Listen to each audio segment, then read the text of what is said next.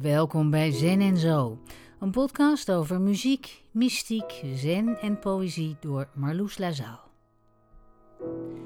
Allereerst wil ik de mensen bedanken die Zen en Zo hebben ondersteund via Petje Af. En mocht je ook iets willen bijdragen aan deze podcast, kijk dan op petjeaf en zo. Vandaag is mijn gast filmmaker, zenmonnik, filosoof en al bijna bezenner Misha Belien. Al tijdens zijn filosofiestudie werd hij gevraagd als communicatiemanager bij zen.nl van de Riens Ritskus, waar hij zelf in die tijd ook zenleraar was. Een aantal jaar geleden maakte hij de overstap naar Zencentrum Nijmegen van leraar Dick Verstegen. Als filmer reisde hij recent naar Oekraïne voor de documentaire What Should You Do for Freedom, die binnenkort in de boeddhistische blik bij de KRO en CRV wordt uitgezonden. Ik zoek Misha op in de Heilig Landstichting bij Nijmegen, waar druk gewerkt wordt aan een nieuwe zendo. Wat vind je ervan?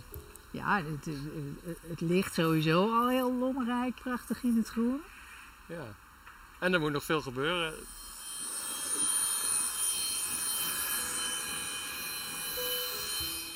Ja, we zijn nu de vloer aan het egaliseren, 210 vierkante meter, dus er moet een heleboel uh, cement op. Het ziet er indrukwekkend uit, moet ik zeggen. Nou, dat betekent dat je dadelijk weer uh, helemaal uh, over een vlakke vloer met vloerverwarming eronder kan, kan lopen op blote voeten. Dus dat is natuurlijk voor, voor Zen wel heel fijn. Wordt dit dan de nieuwe locatie van Zen Nijmegen? Ja, Zen Centrum Nijmegen die, gaat hier vast vertoeven. En nog twee andere vaste gebruikers, Han Fortman Centrum en Didi, die ook dagretretes organiseert. En je hoort weer het mengen van de egaline. En nou, verder misschien nog wat losse, losse gasten die hier af en toe iets komen doen. Maar Zencentrum Nijmegen wordt een van de meest vaste gebruikers. Kom, we gaan even ergens heen waar het iets rustiger is.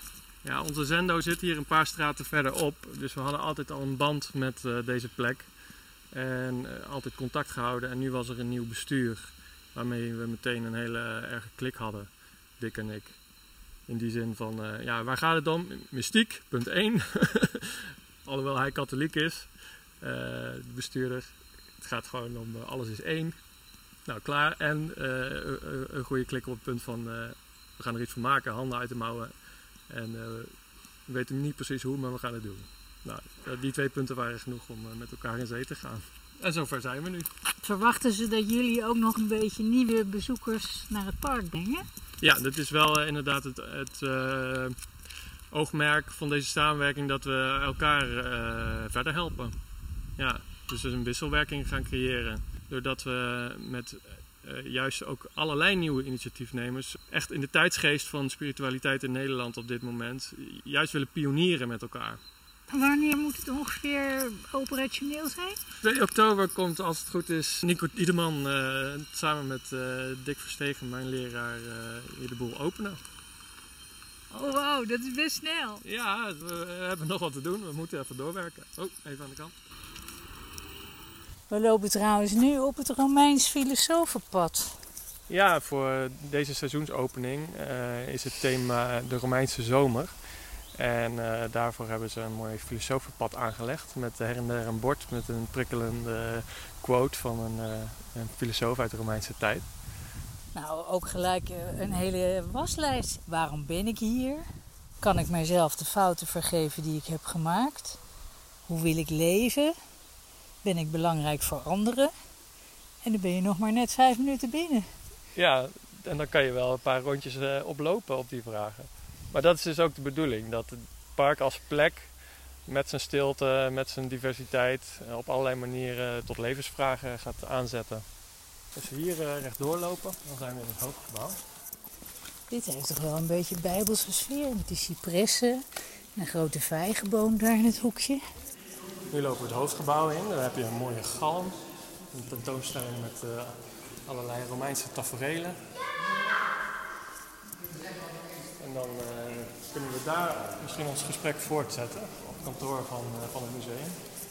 Kijk, dit zijn de plaatjes die ik nog ken uit mijn Bijbelse geschiedenislessen. Dan waren er ook altijd veel kamelen bij. Oh, ja, ja, Op zo'n ja. viltbord. Ja, ja, als je verder uh, het park oploopt, zul je die ook nog wel terugzien. Ja. Dat was Walter trouwens. Walter? Ja? Mogen wij jou vragen? Mijn naam is Walter Hamers en ik ben bestuurder van het Landschapspark Heilige Landstichting. En dat bestaat uit drie onderdelen. Het Museumpark Orientalis, het Begraven Gedenkpark Heilige Landstichting en het park op zichzelf. En we hadden het net over ontwikkeling op het gebied van uh, één, de kern gaat om mystiek. En twee, we moeten de handen uit de mouwen steken. ja, en, we, noemen, we, noemen, dat praktische wijsheid. Ja. Dat was eigenlijk een begrip van Aristoteles, hè? Ja. Praktische wijsheid. Dus het denken moet gepaard gaan met doen. En in het doen zelf, daar vind je het zijn. Ja. dus daar merk je ook, een ambachtsman bijvoorbeeld, die echt in zijn werk opgaat, die is even niet meer. En dat heet, voor, voor ons heet dat praktische wijsheid. In katholieke termen zou je kunnen zeggen dat het moderne devotie is. Dus als je heel erg toegewijd bent aan dingen en je, bent, je voelt dat je met dingen bezig bent, in je handelingen ga je dan op. Ja, en ik benoemde al dat, dat wij elkaar daar ook in hebben gevonden om uh, praktisch aan de gang te gaan met elkaar. En dat we ook niet precies helemaal weten waar we dan uitkomen. Uh, in de samenwerking met het, met het park en de zender, maar ook met andere initiatiefnemers. En dat uh, uitgaan, uitgaan van die, die wijsheid en samen zien waar je uitkomt, juist heel veel energie opwekt. Ja, precies. Als je, als je kennis hebt, kun je ergens uitkomen. Maar als je wijsheid hebt, dan weet je niet waar je terechtkomt. Maar voor jullie is dus een zencentrum binnen de Heilige Landstichting geen vreemde eend in de bijt, begrijp ik. Nee, in tegendeel. Wij proberen toch de spiritualiteit te bevorderen, hè? De, de, zelfreflectie. En dat is ook een vorm van, uh, van religiositeit natuurlijk. En dat past er naadloos in aan alle kanten.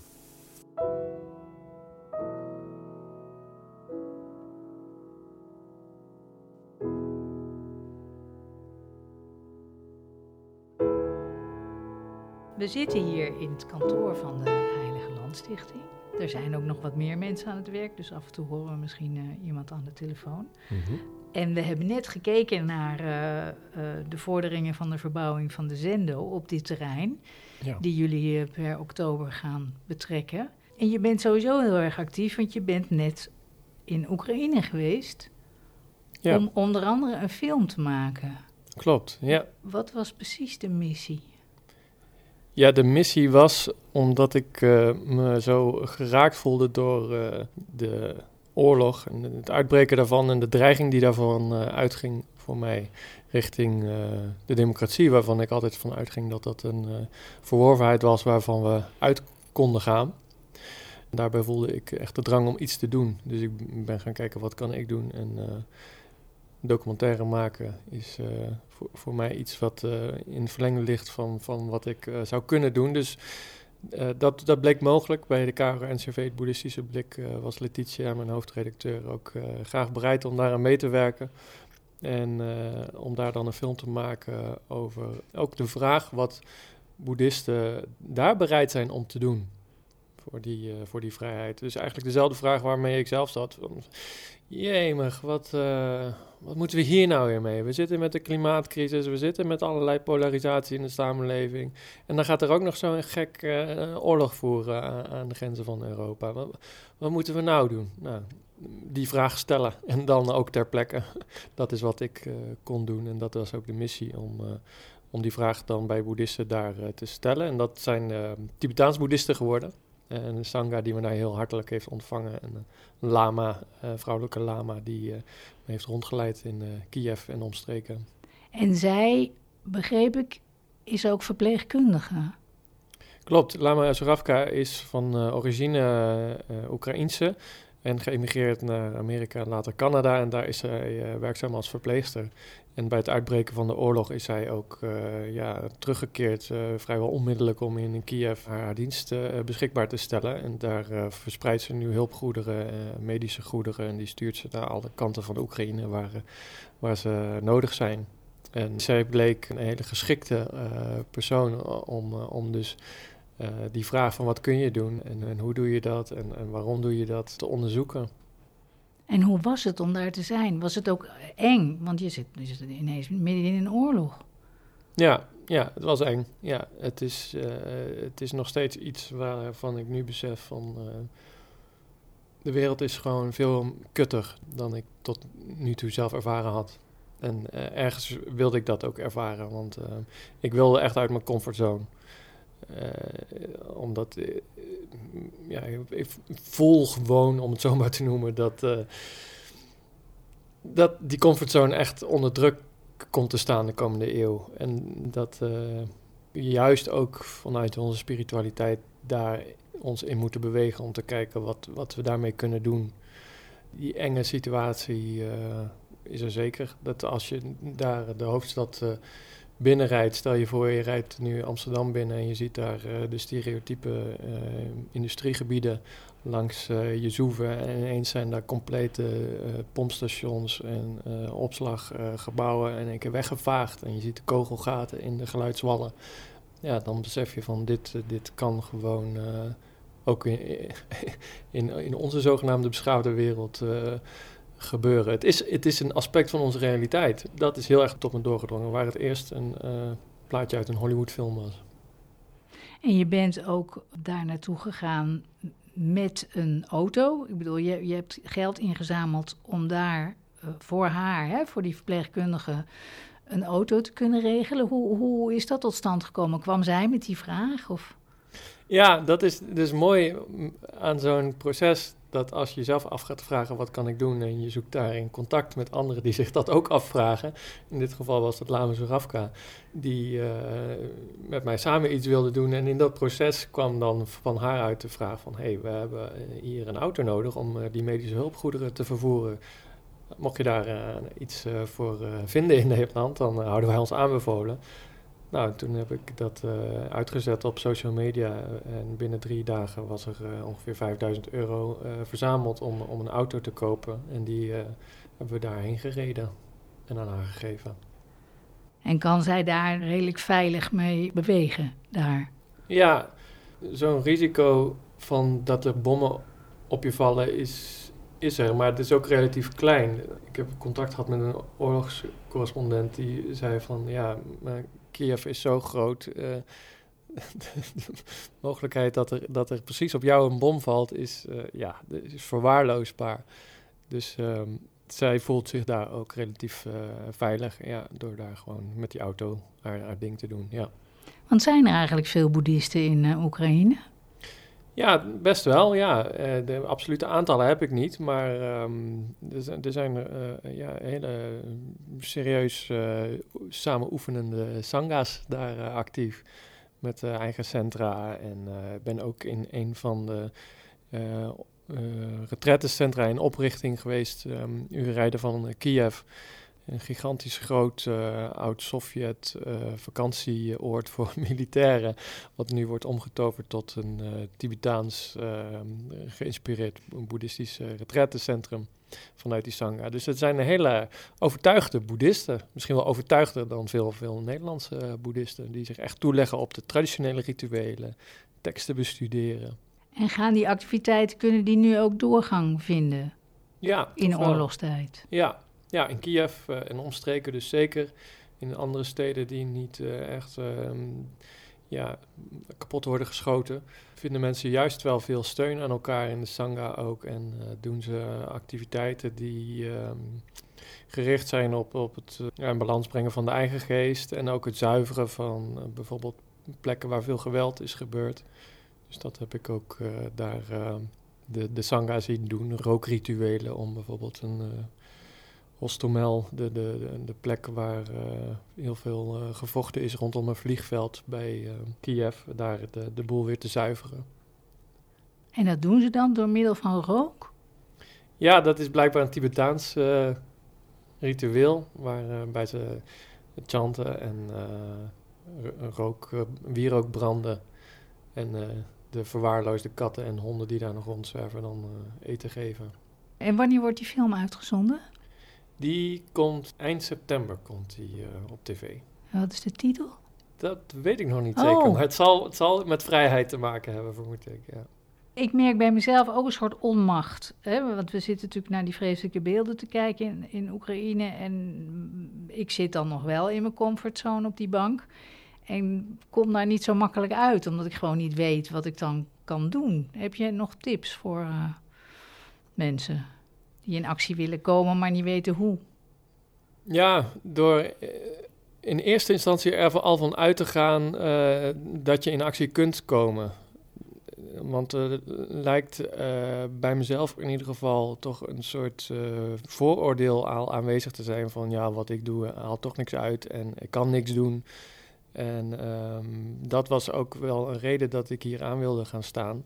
En dat is eigenlijk ook, uh, om nog even iets verder terug te gaan, de, inspiratie geweest om, om uh, een monnik te worden. Vorig jaar ben ik uh, tot zenmonnik gewijd en dat was voor mij een symbolische daad om, om ook dit te proberen, om, om mijn e-, eigen leven te geven aan de wereld. En daarmee te experimenteren van waar, waar zijn mijn grenzen en waar zijn juist mijn mogelijkheden. En dit was een van die uh, grenzen aan de ene kant. Het vooroordeel van ja, ik kan niks doen en het is te groot en het is uh, te ver. En aan de andere kant uh, mogelijkheden te vinden om, om dan maar iets te doen. En dan dus ook te ervaren van ja, het is heus wel mogelijk om binnen jouw mogelijkheden iets te doen. Er is altijd een kans. Dus dat zou ik mensen wel echt mee willen geven er is altijd iets mogelijk. Want even voor de duidelijkheid, zen-monnik, dat is een lekenmonnik, hè? Want je hebt een, een vrouw en een kind en je gaat niet ineens celibatair leven of in een klooster. Nee. Wat houdt dat monnikschap dan eigenlijk in? Ja, goede vraag. En daar ben ik ook heel actief over na aan het denken. Maar een van die dingen is dus proberen om die manieren te vinden waarop je binnen die context van een normaal maatschappelijk leven niet in een kloostersetting, zoveel mogelijk je leven kunt geven. Dat houdt het monnikschap uh, voor mij in. En ik hoop eigenlijk dat het religieuze karakter van dat monnikschap ja, minstens zo krachtig is als dat van een monnik die in een kloostersetting leeft. Daar heb ik ook overwogen, maar eh, dat staat voor mij veel minder in verbinding met wat, er, wat er gaande is voor mij. Hè. En ik las ergens dat je al vrij vroeg echt een spirituele roeping heb ervaren. Weet je nog wat daar de aanleiding voor was? Of wanneer dat begon? Een roeping, ja, misschien kun je het zo wel noemen. Ja, het, um, is met terugwerkende kracht, denk ik, een enorme aantrekkingskracht altijd geweest richting de vraag: wat heb ik te doen? Waar gaat dit om? Waar ik me nou op wonderbaarlijke manier in begeef. het leven dus. En dat uh, is heel erg naar voren gekomen als vraag, doordat ik van mijn tiende tot mijn twaalfde in Marokko heb uh, gewoond, in een arm deel van Marokko in het noorden. En daar ja, geconfronteerd werd met de relativiteit van wat je als de echte normale, ware basis van je leven ziet voordat ik naar Marokko ging, was ik uh, een, een, jongetje wat uh, uitstekend mee kon komen in de klas. Dus veel vriendjes had. De leerstof makkelijk tot me kon nemen. En uh, dat liep allemaal op rolletjes. En dan vlieg je drie uur en dan word je uitgescholden en met stenen bekogeld op school. En je begeeft je ineens in een wereld waar je letterlijk niks meer van verstaat. En dan kom je twee jaar later weer terug en dan is het omgekeerde weer het geval. Want ehm, de wereld uh, heeft ook niet stilgestaan in je tussentijd. En de, en de vriendjes van Waleer, die, uh, die kijken je ook anders aan. Dus wat is dan de basis van je leven? Wat is dan echt? Waar moet ik me op richten? En die vraag heeft zich alleen maar uh, ja, uitgebreid naar alle aspecten van mijn leven. Want je kwam daar in Marokko terecht doordat je ouders daar een baan hadden, hè? Ja. allebei. Ja, mijn ouders die werkten daar voor een van oorsprong katholieke stichting om Marokkaanse mensen die terugkeerden naar Marokko uh, te helpen om daar weer uh, voet aan wal te zetten. God, maar dan, nou ja, is misschien een rare uh, gedachte, maar dan hebben ze toch ook een enorme prijs betaald. Als jij daar zo ontzettend toch ook het slachtoffer van werd, want dat lijkt me verschrikkelijk als je tien bent en je dag in dag uit word je zo gepest op school en zelfs met stenen bekogeld. Dat, dat is nogal niet wat hebben ze nooit gedacht dat dit, deze prijs is te hoog, we moeten dit niet doen?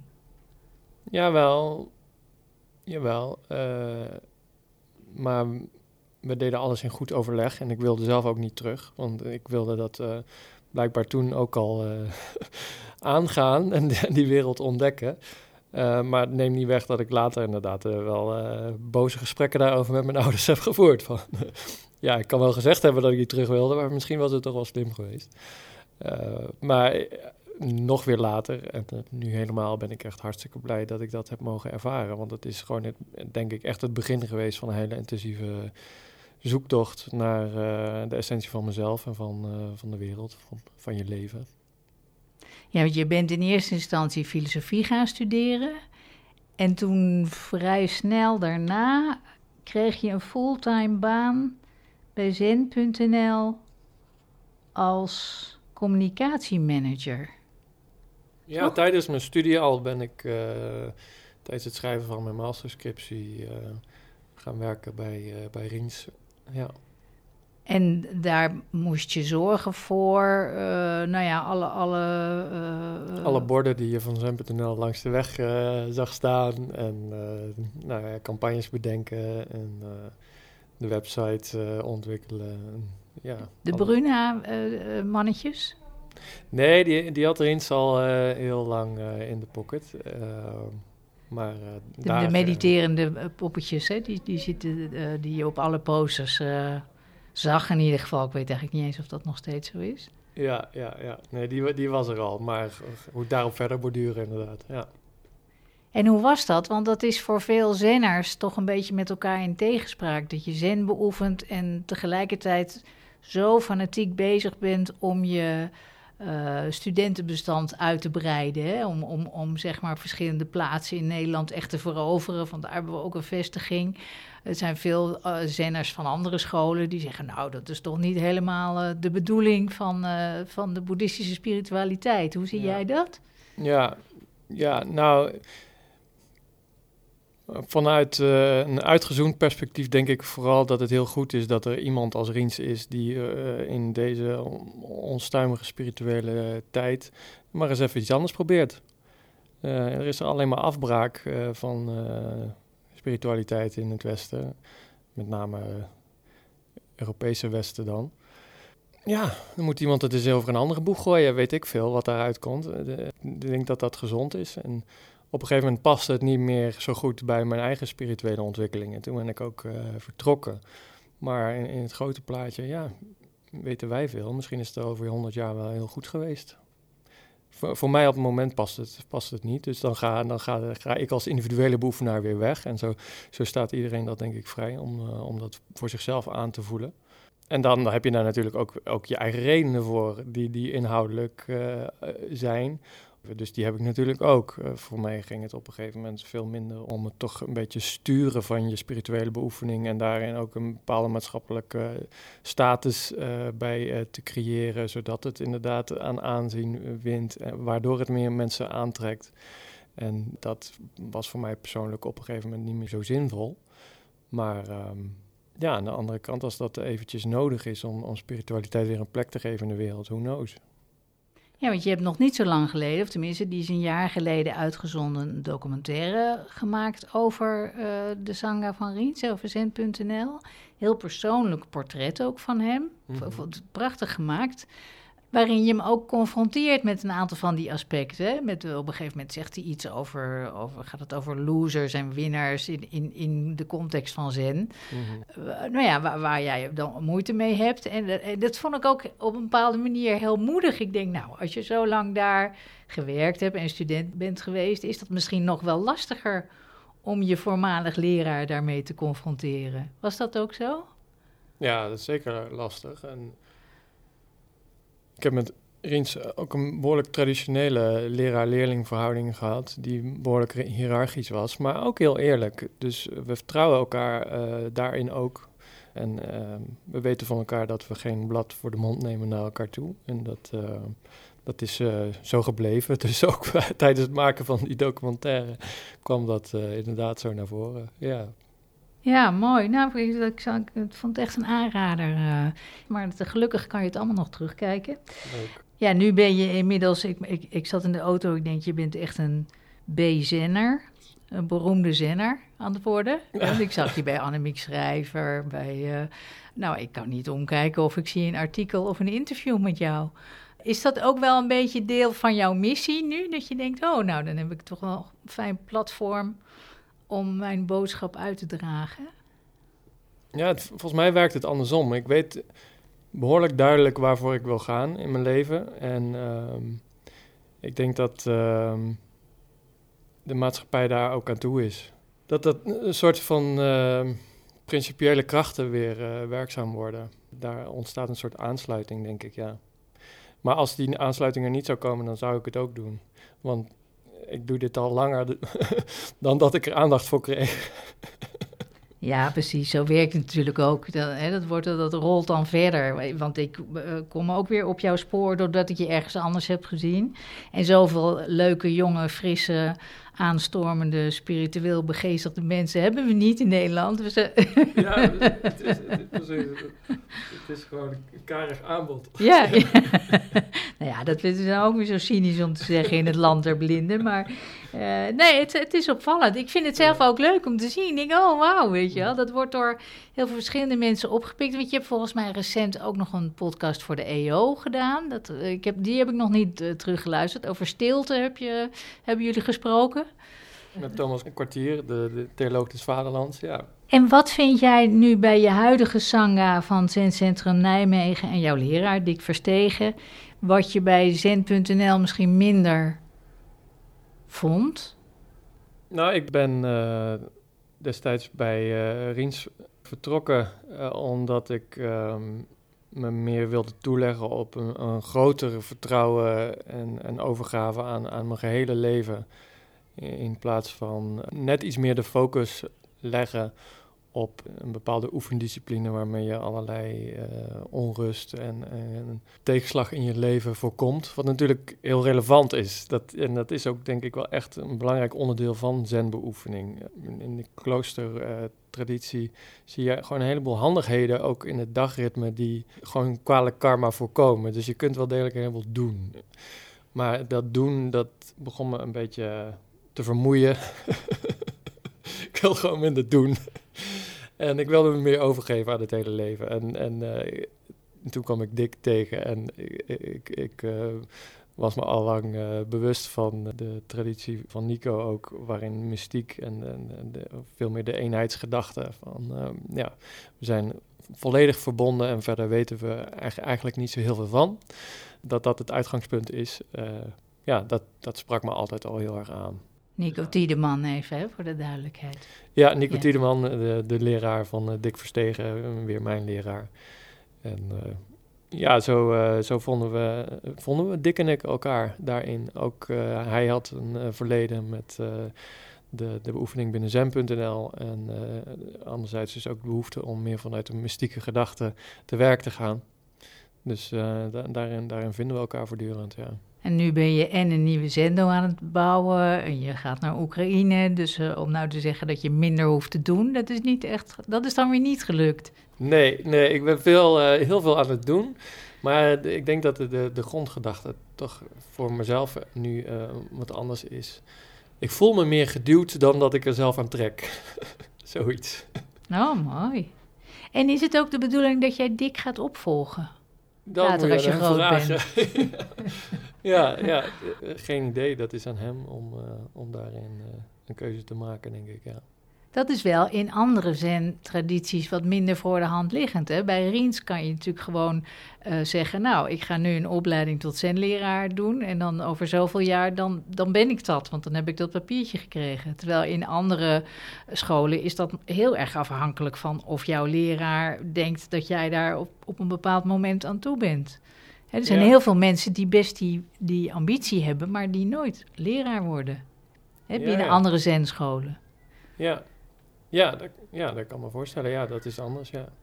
Je vertelde al even die uh, ervaring in je jeugd, die je eigenlijk tot een belangrijke vraag aanzette, die je uiteindelijk bij Zen heeft gebracht. Maar weet je ook nog de eerste keer dat je in een zendo was, had je toen gelijk een soort aha-erlevenis? Of van, oh ja, dit is het? Of helemaal niet? De eerste keren dat ik echt in een zendo was, toen was ik me gruwelijk aan het ergeren aan het reciteren van allerlei onbegrijpelijke teksten waarvan ik dacht, wat ben ik nou een of andere secte beland. Dat weet ik nog, ja. Maar de herkenning was vooral in um, de, de beschrijvingen van filosofen die ik tijdens mijn studie was tegengekomen uh, rondom uh, aandacht en, en het belang daarvan voor de, de grootste filosofische vragen. Wat is waar, wat is echt, wat is mooi? En gaandeweg het bestuderen van die filosofen kwam ik erachter dat zij ook inspiratie uit zen-boeddhisme hadden opgedaan. En toen besefte ik, ja, als daar al een paar duizend jaar eh, lang mensen elkaar vinden in die traditie om dat thema uh, centraal te stellen, dan moet ik daar wezen. Dus toen heb ik gewoon doorgezet, die traditie blijven onderzoeken, totdat ik me ook vertrouwd voelde op een gegeven moment bij die sutras. Ja, precies. Want je hebt dus echt die, die eerste aversie overwonnen. Je bent, er, bent gewoon gebleven. Ja. Ik denk dat veel mensen, die, die laten het dan daarbij. Hè? Die, die, die worden geconfronteerd met iets waarvan ze denken... oh, dit is exotisch of iets sectarisch of uh, hier hoor ik niet bij. En dan stopt daar de zoektocht, zou ik maar zeggen. Ja, ja dat zou kunnen. Maar voor, voor mij was het van zodanig levensbelang dat ik daar een, een, een, manier voor vond om om te gaan met die levensvragen.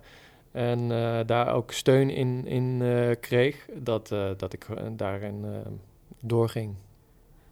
En merkte je ook op een gegeven moment dat het dat effect had wat je hoopte? Of dat je. Of dat je je ja. zegt dat was van levensbelang, dus, ja. dus, er, dus dat een enorme ja. drive achter. Ja.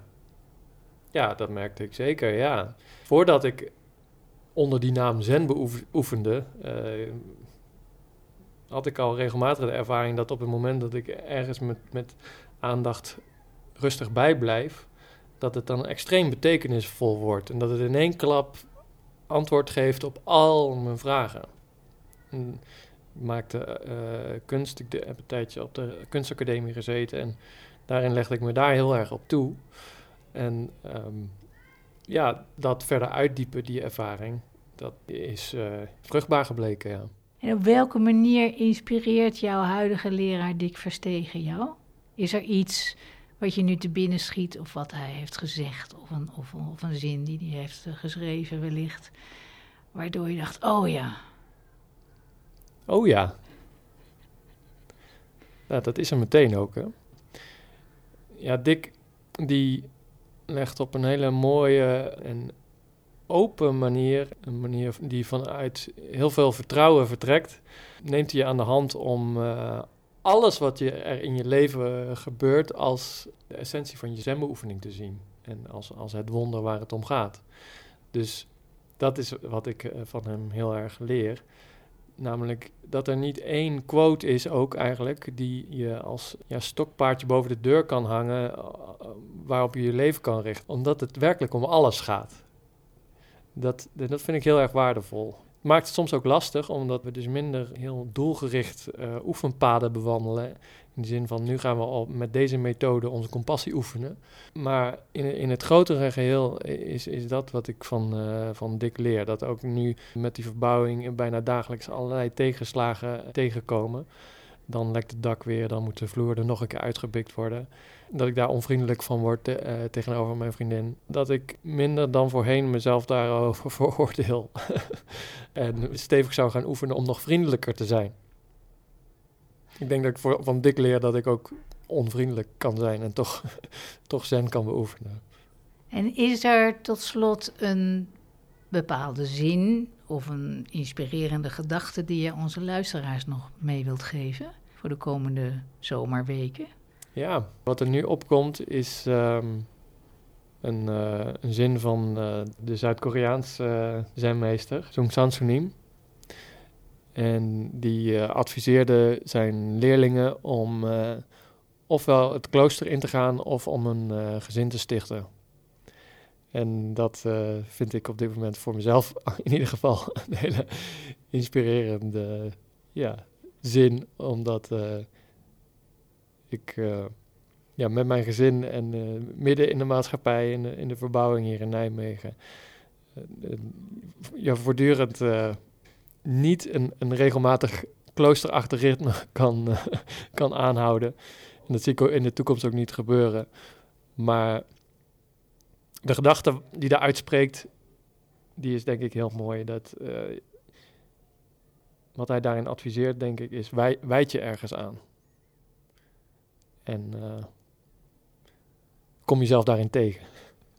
Dan is het goed. Want dat kan ook nog wel iets anders zijn. Ja, ik zit even voor mezelf te denken, dat gezinstichten, dat zou bij mij er niet meer in zitten. Dat klooster eventueel. Ehm, maar eh, eh, heb je nog een optie in de aanbieding? Ja, ik denk dat het symbolisch gaat om. Begeef jezelf in een, in, een, in, in, in een context waarin je verantwoordelijkheid moet dragen. En, en geef je daaraan over, wijd je daaraan, zodat je jezelf tegenkomt en uh, jezelf daar ook in misschien wat kwijtraakt, los kan laten. Dat vind ik prachtig dat geeft te kennen dat het moderne monnikschap, wat ik zelf nastreef, ook voor denk ik heel veel mensen uh, hier in, in, uh, in, een normale maatschappij, niet in de kloostersetting, uh, weggelegd kan zijn.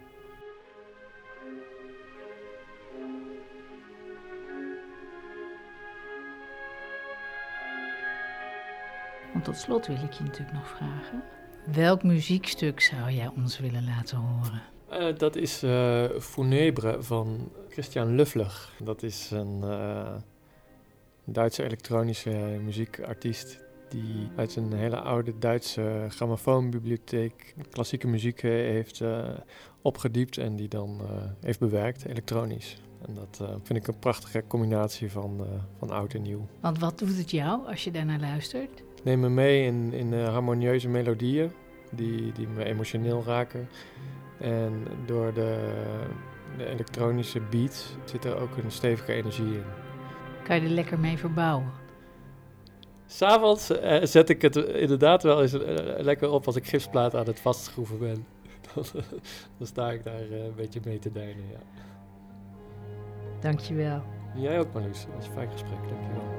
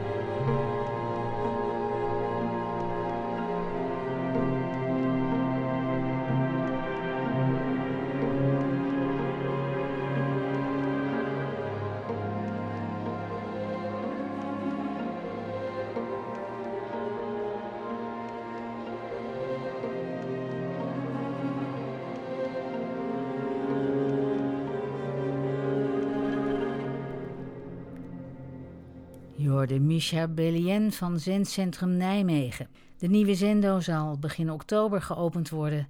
En zijn film, What Should You Do for Freedom, is op 25 september te zien in de boeddhistische blik bij de KRO en CRV. En daarna natuurlijk online. Meer informatie over die nieuwe zendo vind je op zennijmegen.nl. En heb je genoten van deze podcast en wil je iets bijdragen in de onkosten van dit liefdewerkje? Ga dan naar petjeaf slash zen en zo. En geef dan gelijk zoveel mogelijk sterretjes in je podcast-app, waar je ook alle vorige afleveringen van Zen en Zo nog kunt beluisteren. Op mijn website marloeslazaal.nl vind je informatie over mijn andere activiteiten en concerten. En op de Spotify-pagina van Marloes Lazaal vind je onze muziek. Heel graag tot de volgende keer en dan is mijn gast Annetje Brunner.